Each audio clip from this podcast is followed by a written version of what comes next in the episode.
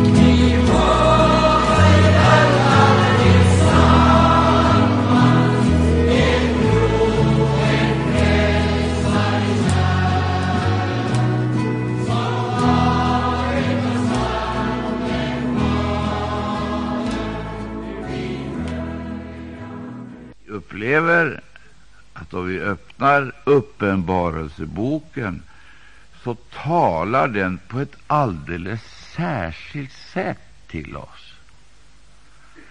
För det första så spränger den gränserna alltså, och sätter oss i förbindelse på ett alldeles utomordentligt sätt sätter oss i förbindelse med en evig värld där vi alltså ser den handlande Guden som inte förlorar kontrollen över sin skapelse,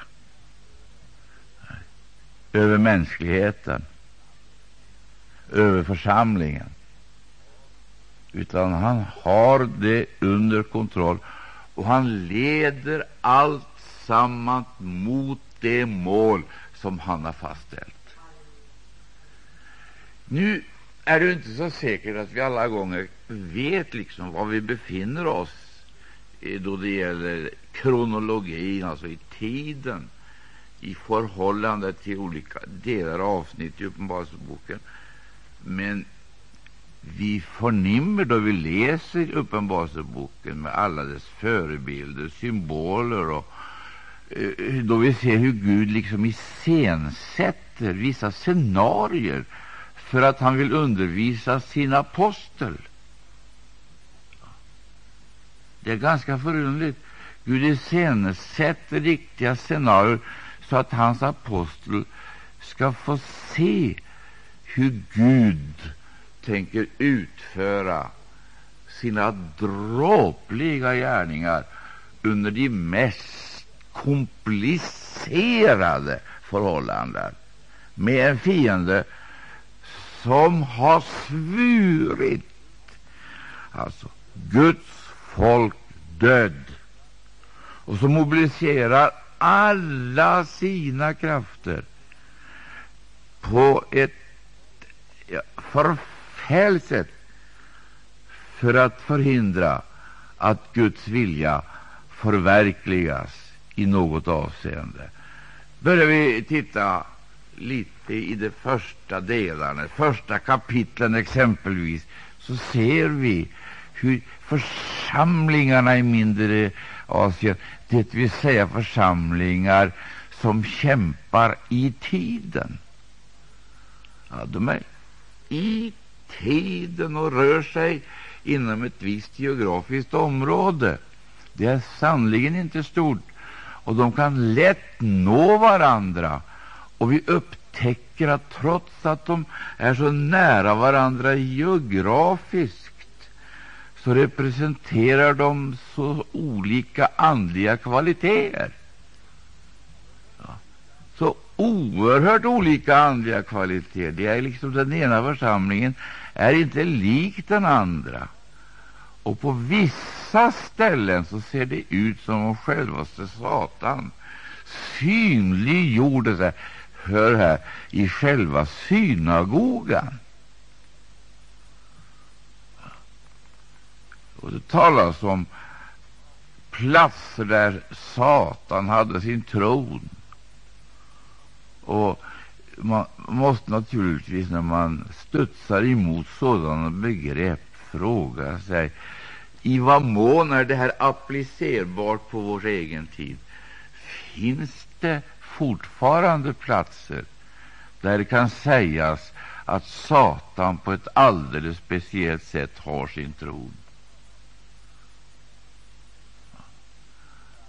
sedan så stiger det fram på ett nästan, jag vill inte kalla det mystiskt sätt, men ett väldigt förunderligt sätt, så stiger det fram eh, ur dunklet, för det är faktiskt det det handlar om, ur dunklet, gestalter som eh, på ett alldeles eh, förunderligt sätt personifierar personifierar denna ondska som till varje pris vill, vill förhindra att Gud får genomföra och förverkliga sina planer, det vill säga att Guds vilja får ske. Vi möter uttryck som nikolaiternas lära. Vi får läsa om eh, om eh, Beliar, eller vad heter nu den här falske profeten som på ett alldeles eh, speciellt sätt förförde Israel. Biliam, förunderligt. Vi får läsa om Jezabel, denna eh, också mycket märkliga gestalt som har en alldeles speciell nyckelposition i Andens rike. Det vill säga, hon utstrålar förförisk makt. Och då hon eh, blir eh, attackerad utav Herrens profeter, då hämnas hon eh, på sitt alldeles speciella sätt. Hon hämnas med att utplåna inte bara dem som hon har blivit, eh, blivit eh, attackerad utav, utan hon hämnas genom att söka utrota hela detta typiska profetdöme som har gjort Israel till något helt speciellt i historien. Och Vi kan fortsätta räkna upp. I den ena församlingen såg det ut på det ena sättet, i den andra församlingen såg det ut på det andra sättet, i den tredje församlingen på det tredje sättet. Och det där växlar liksom mellan olika dimensioner, och jag skulle nästan vilja säga mellan olika djup. Det står till och med om Satans djup. Tills vi kommer fram till de sista breven i det här oerhört intensiva sammanhanget. De sista breven de byter helt och hållet karaktär. De byter verkligen karaktär. Som Sardes är karaktäristiskt på ett nytt sätt och i ännu högre grad Laodicea. Och Då frågar man sig vad är det som har skett. Ja, det är en förunderlig process som äger rum. Vad är det som har skett? I realiteten så har den här processen pågått under en ganska lång tid. Det började, det började på det osynliga planet i Efesus.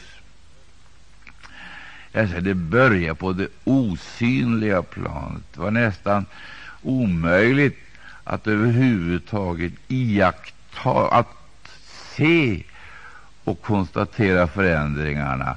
Det behövdes andebedömningens gåva för att fatta vad som egentligen hade ägt rum i Efesus, därför att där hade skett ett fall. Man hade sjunkit ned på en ny och annan nivå. Betänk då varifrån du har fallit. Och det förfärliga som hade skett i Efesos och det ödesdigra som på ett helt avgörande kom att bestämma Efesusförsamlingens framtid, det var det att den hade förlorat, övergivit sin första kärlek. Och man, man, man skulle vilja tränga in i det här att man har övergivit sin första kärlek.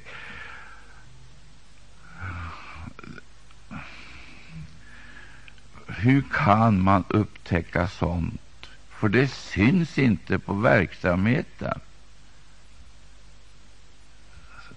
Verksamheten går vidare som förut. Och ändå så har det skett någonting.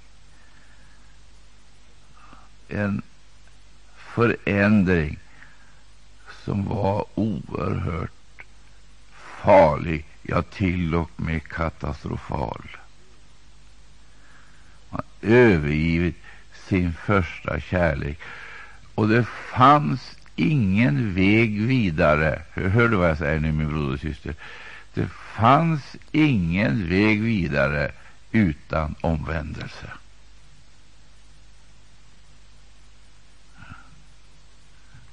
Alltså, då måste man riktigt få klart för sig vad detta i realiteten innebär. Var och en måste pröva sig inför detta budskap. Och Efesusförsamlingen den är ju intressant av flera orsaker. Därför att Bibeln ger ju väldigt stort utrymme just för, för, just för händelserna i Efesus, apostlagärningarna, den förapostoliska tiden, den förpingstliga församlingen och så den apostoliska epoken. Och så kommer vi till Efesiebrevet fyra årtionden senare, den efterapostoliska tiden tar form därigenom att förändringar sker på det osynliga planet.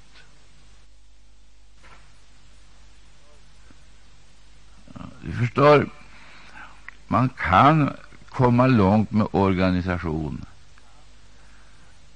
Man kan komma långt med filantropi. Man kan komma långt med teologi.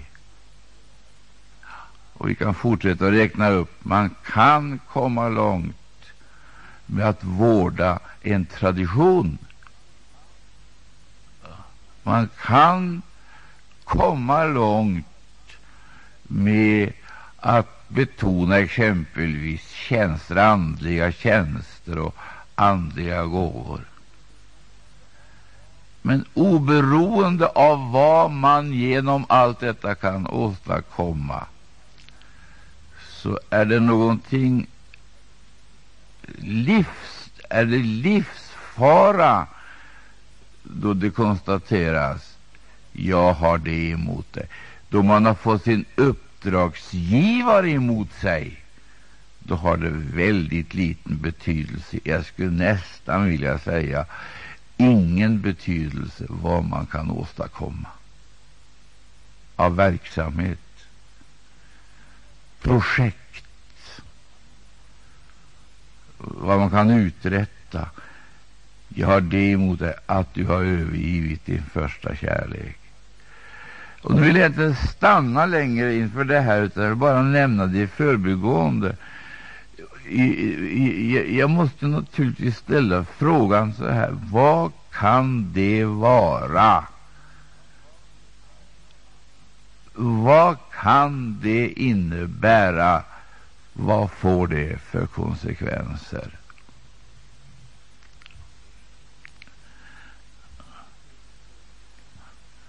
Ni ser, jag sitter här framför er, välklädd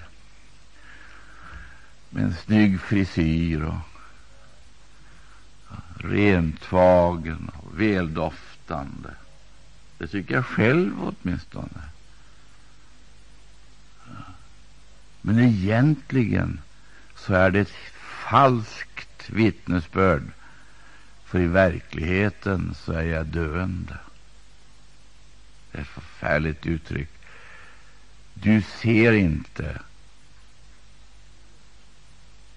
hjärtsvikten, njursvikten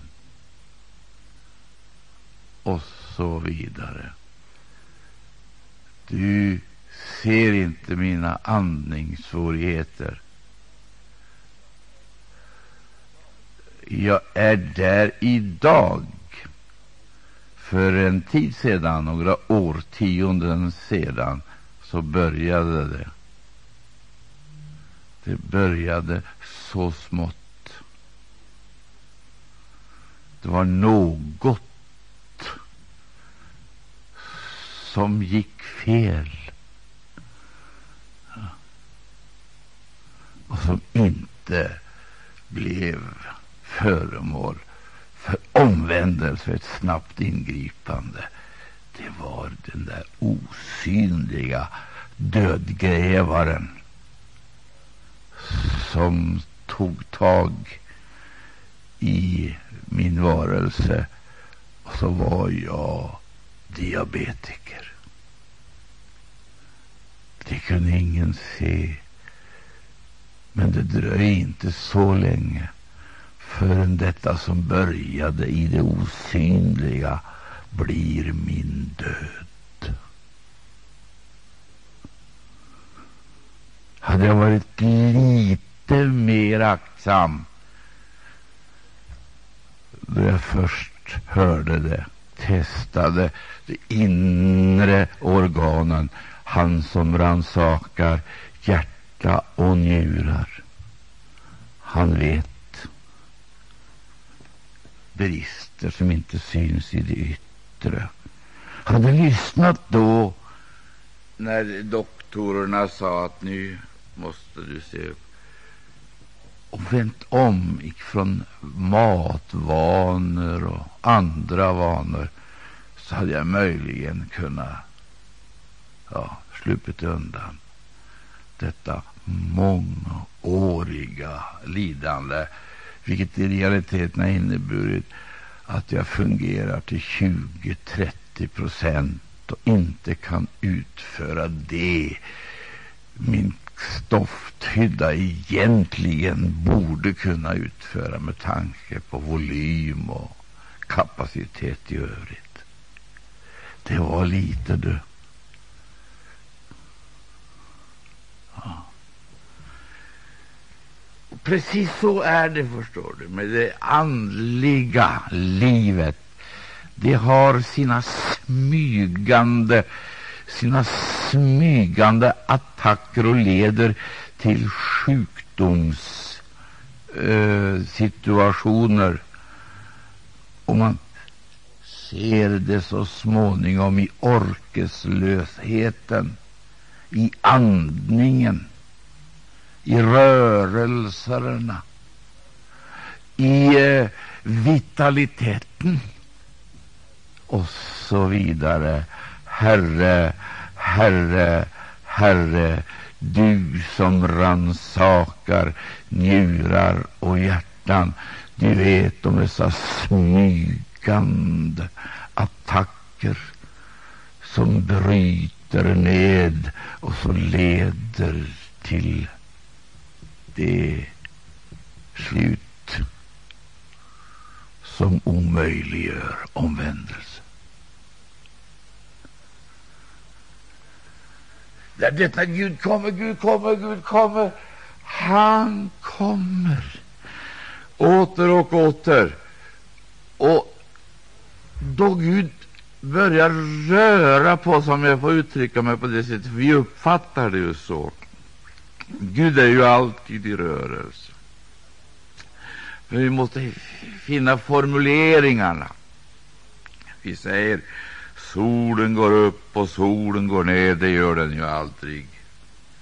Men vi måste ha formuleringar, det tyder bara på dygnsrytmen.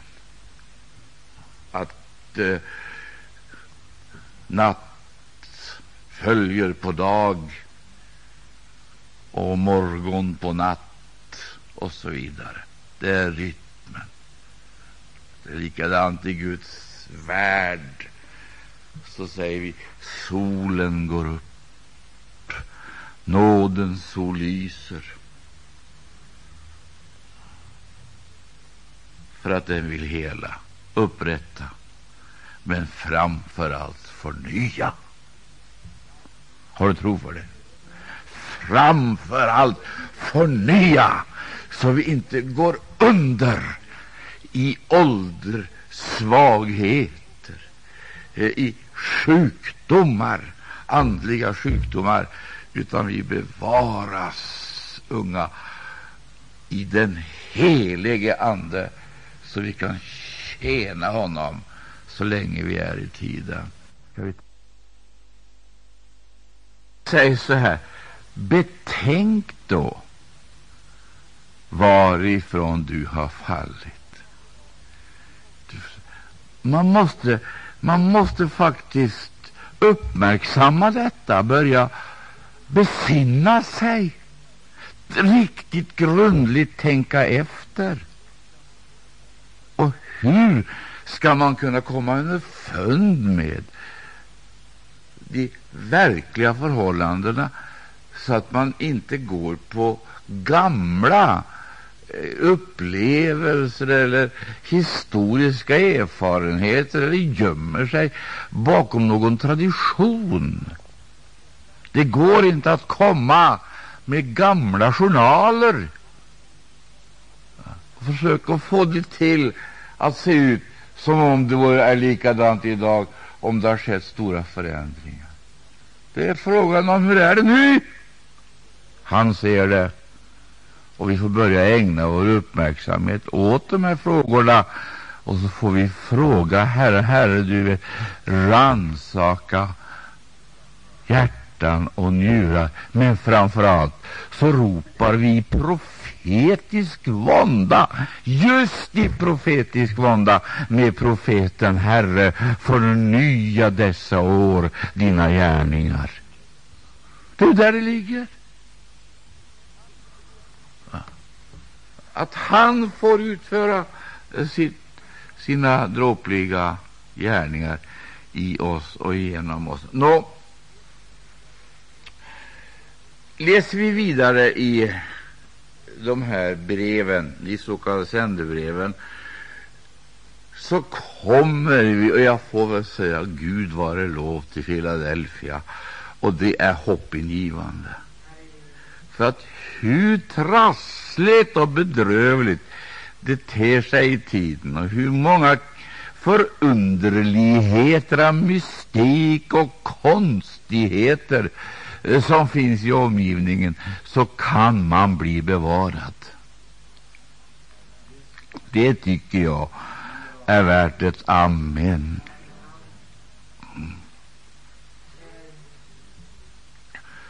Hur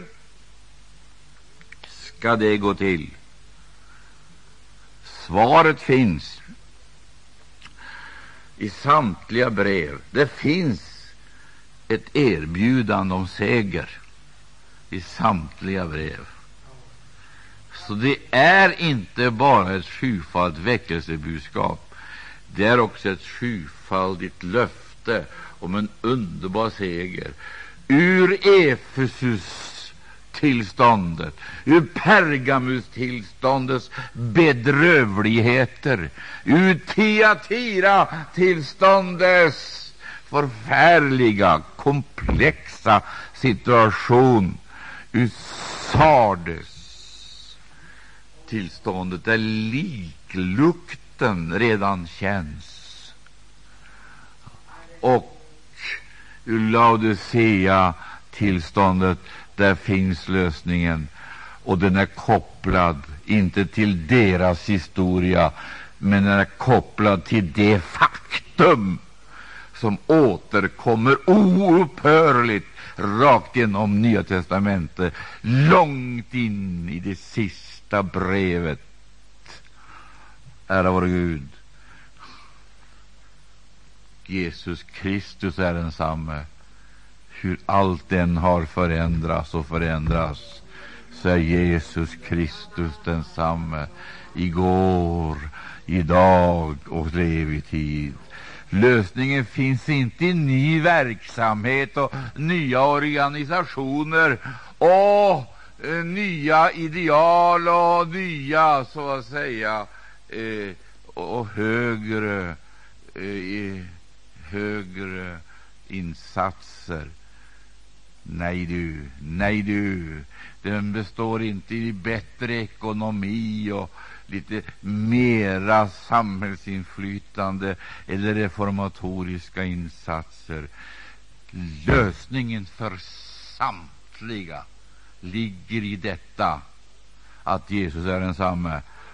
Och alla ihop behöver ett möte med honom utifrån den situation de befann sig i. Och detta möte med Herren Jesus Kristus det skulle lösa hela situationen omgående och förblivande.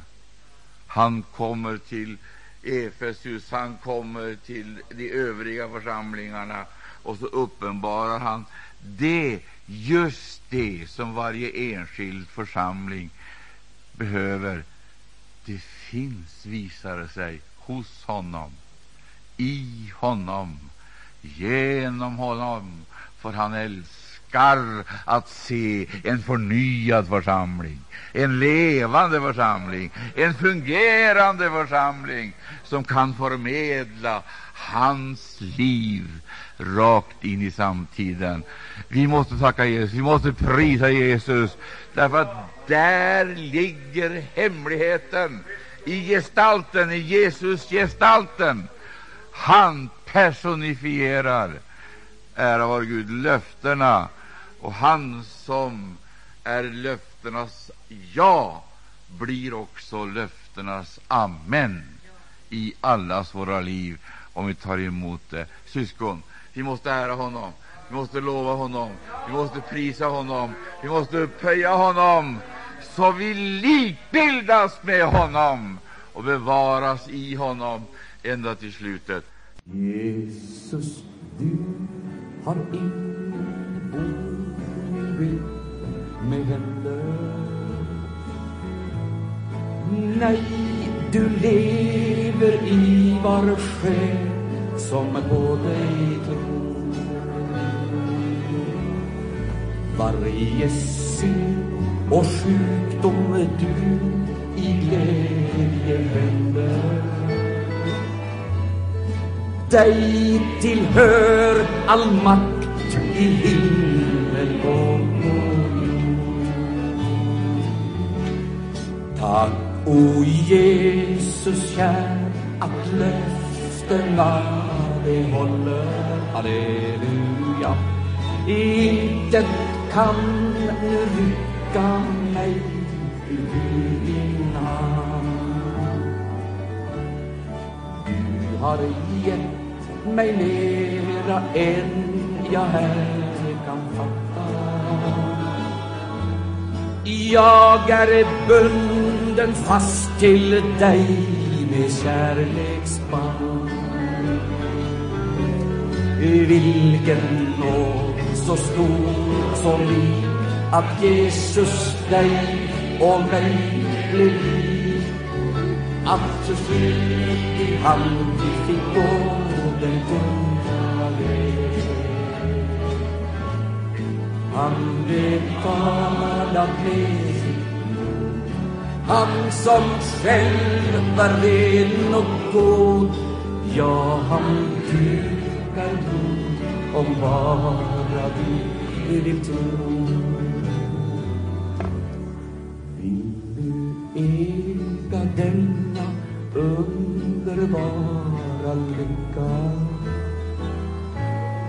Vill du känna att hans namn är trofasthet? Vill du mota pingstens eld ut i ditt hjärta?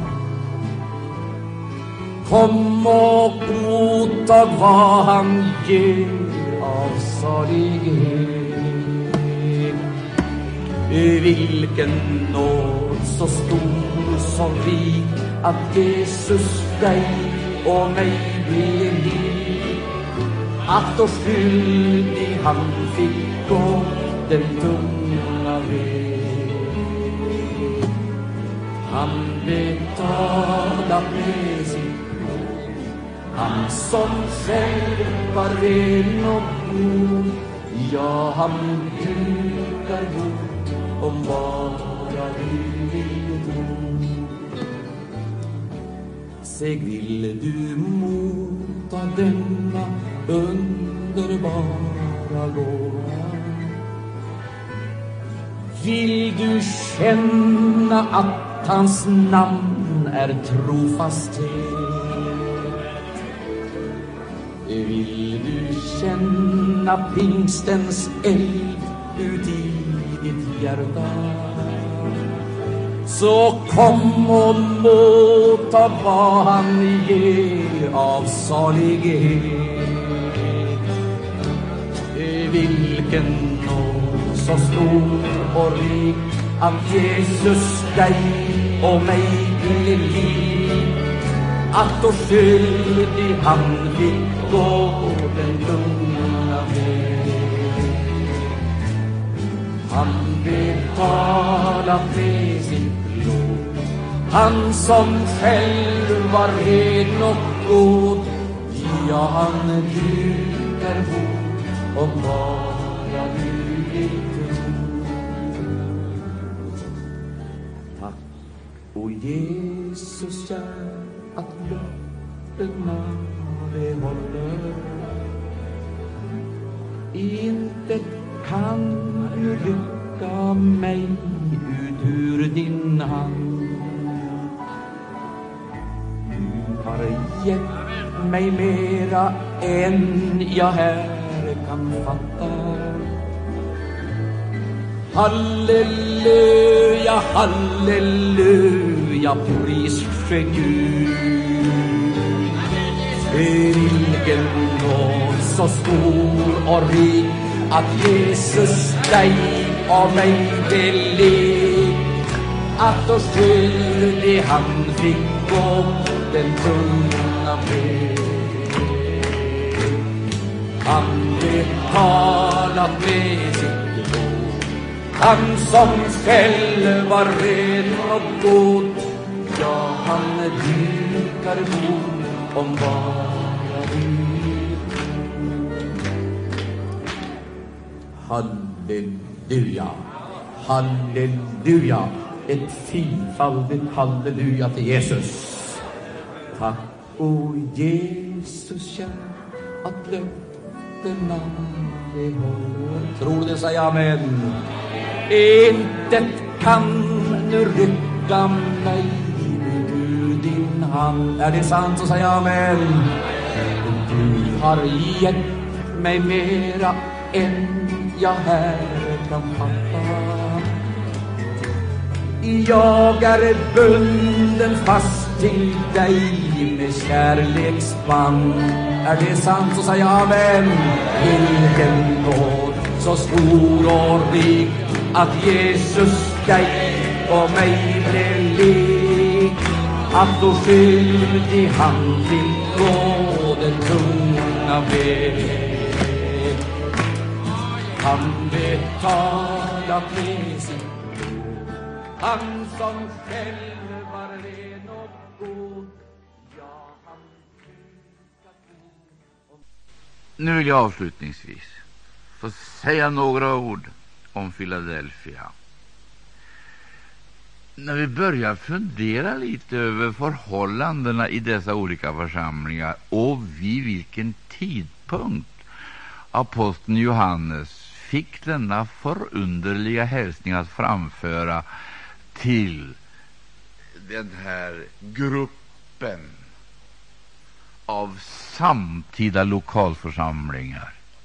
Det fanns ingen riksorganisation som aposteln kunde vända sig till. Det fanns ingen missionsföreståndare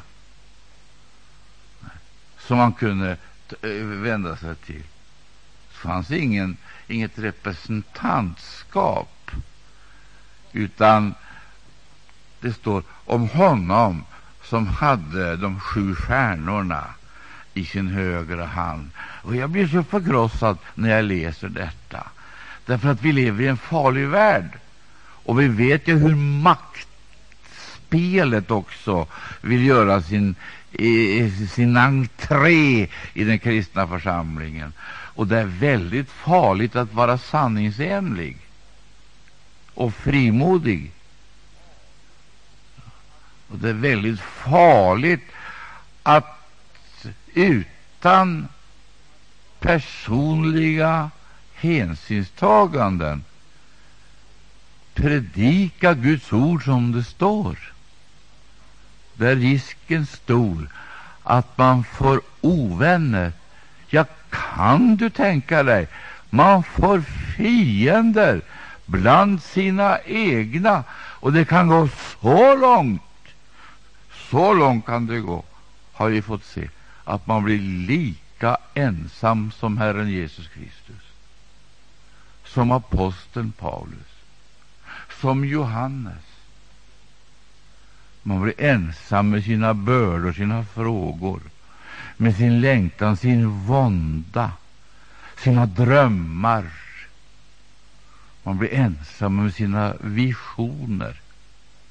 Och ständigt nedpsykad därför att man är så annorlunda, så oformbar och ibland också kärlekslös och obroderlig. Nu är det en förfärlig värld. Du. Men det är väldigt viktigt då, förstår du, att vi kommer upp ur träsket, eller från träsknivån, och lyfts upp och upplever säkerheten, tryggheten, frimodigheten och glädjen i att vara i förvar, vara gömd. Var då någonstans? Inte i en organisation, inte i en facklig förening eller någonting dylikt. Inte bland kolleger eller andra konstellationer av mänskliga försök att tillvarata egna och andras intressen, men i hans högra hand. Där vi måste upp på en andlig nivå så vi får det rätt rätta perspektivet, framför allt det rätta, eh, den rätta synen. Det vill säga, vi måste se det ovanifrån. Halleluja! Det är bedrövligt, men vi ser församlingen ifrån himlasidan. Och då visar det sig att mitt i allt elände så är det faktiskt på det viset att det är fortfarande sju gyllene ljusstakar. Det är fortfarande sju gyllene ljusstakar. Och bland dessa sju gyllene ljusstakar där går ärkebiskopen. Han är ute och visiterar. Och så kommer visitationsprotokollet i de där sju sändebreven. Känner du, hör du, när du hör detta, hur det strömmar till dig glädje? Ja, känner du det? Känner du hur det strömmar till dig frimodighet? Och känner du hur du blir visionär och missionär? Det vill säga, du känner det levande hoppet. Du får hopp för dig själv och andra. Du fattar och förstår att Gud kommer att på sitt utomordentliga sätt förhärliga sig i sitt eget folk, hur bedrövligt det än måtte se ut.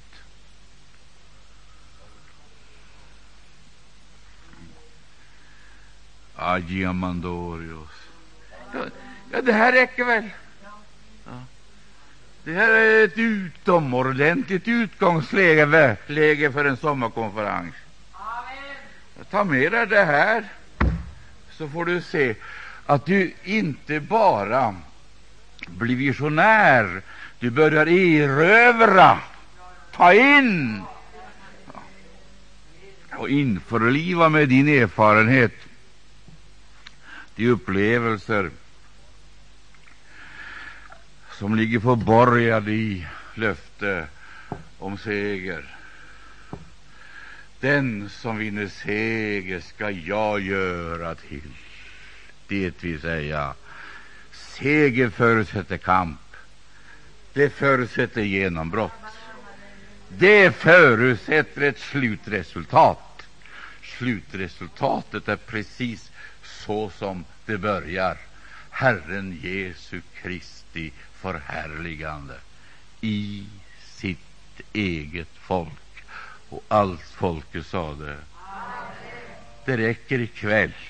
Och så säger vi tack och lov och använder de sista minuterna av den här gemenskapen att upphöja, lova, tacka och prisa honom för att de sju gyllene ljusstakarna är himmelen mån om, vårdar sig om. Och därför så är han, prische Gud, den som skådar, vandrar, berör och genomskådar för att församlingen inte ska förlora halten och slutmålet. Tack för seger. Amen. Om du vinner i jordisk makt och ära. Du vinner världens kunst och härlighet. Men förlorar vad snån kan ge. Blir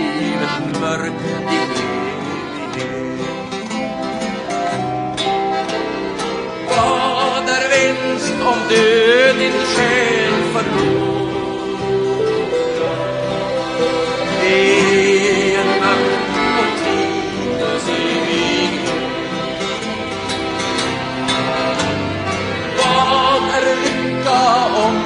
des Glaubens vergehen.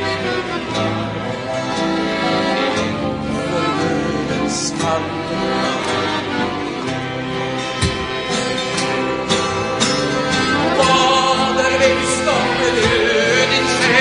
在这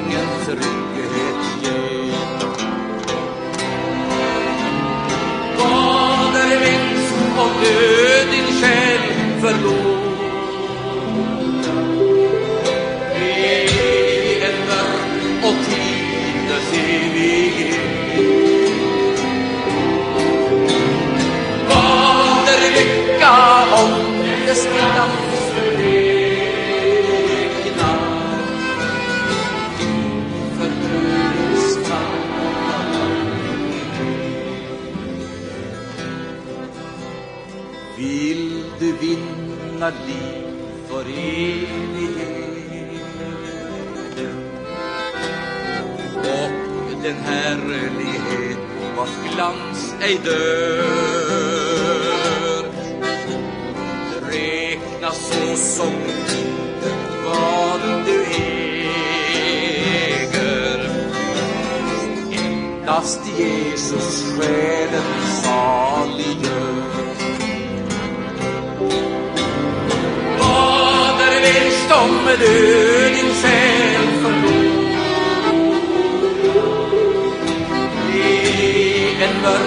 Vad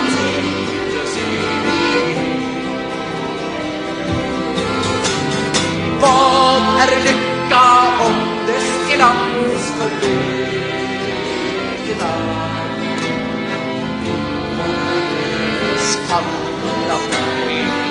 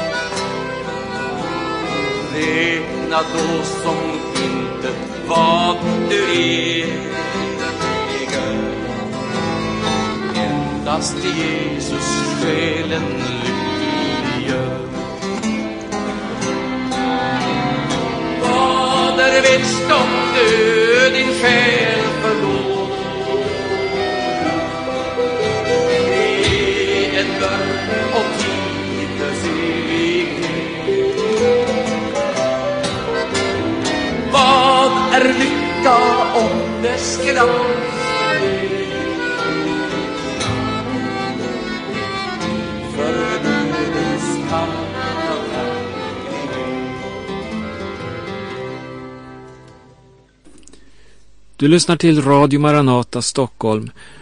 Vi har ikväll fått ta del av en undervisning utav Arne Imsen.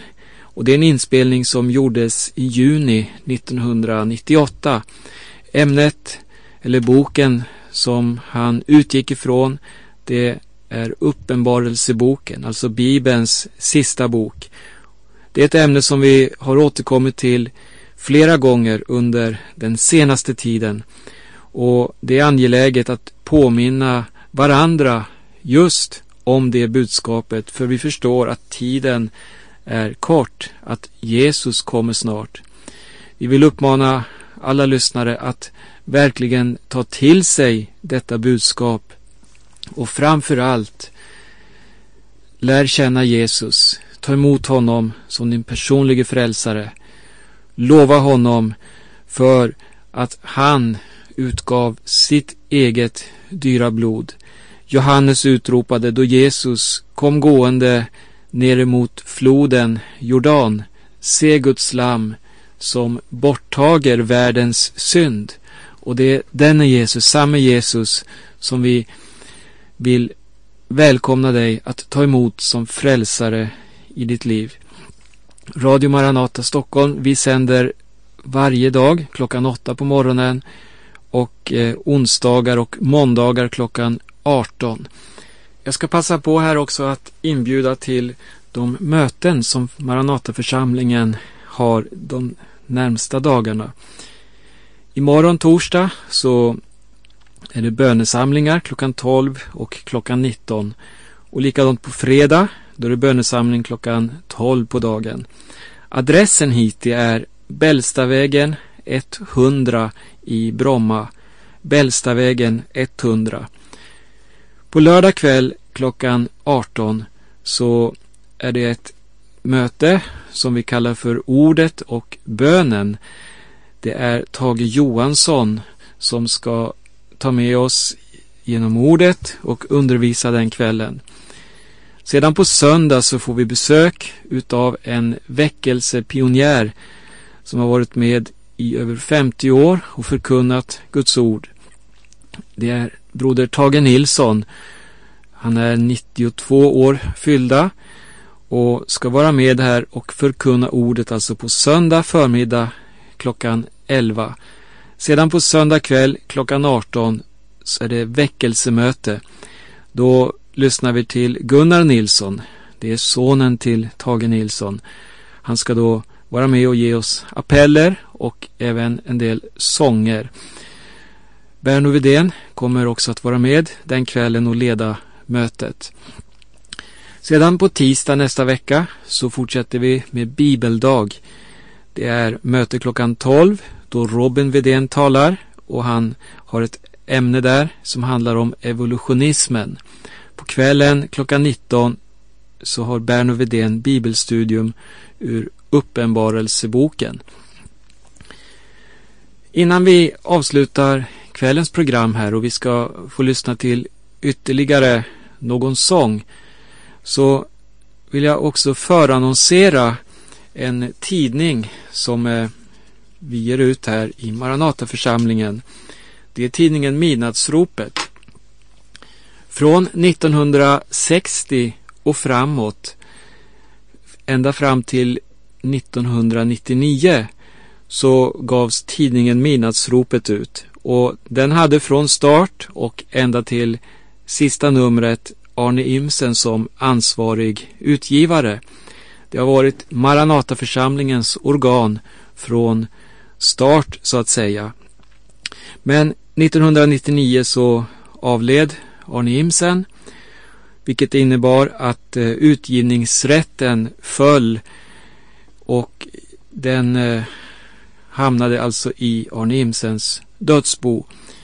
Nu så har hela den juridiska biten avklarats och Maranataförsamlingen har återigen fått utgivarbeviset för tidningen Midnattsropet. Så att från och med nummer ett i år så kommer Midnattsropet att ersätta den tidning som har getts ut från 2000 och framåt, den som hette Maranata. Från nummer ett i år alltså så kommer Midnattsropet återigen att spridas i landet. Det är ett stort tacksägelseämne som vi vill tacka Gud för. Och så vill vi också erbjuda våra lyssnare att eh, anteckna sig för att få vara med från nystarten av den här tidningen. Ring oss gärna på telefon 08 98 56 83. Lämna namn och adress så kommer du att få det första numret utav tidningen som skickas ut i eh, februari månad. Ring oss alltså 98 56 83. Du kan skicka ett mail på adressen info snabela maranata.se info maranata.se Det går också bra att posta ett kort eller ett brev till eh, Maranataförsamlingen box 20134 16102 Bromma. Ja, det var lite information om tidningen Minasropet. Nu så säger jag tack för oss för den här gången. Du hör oss igen närmast i morgon bitti klockan åtta. Gud välsigne var och en, säger jag, Berno Vidén. På återhörande.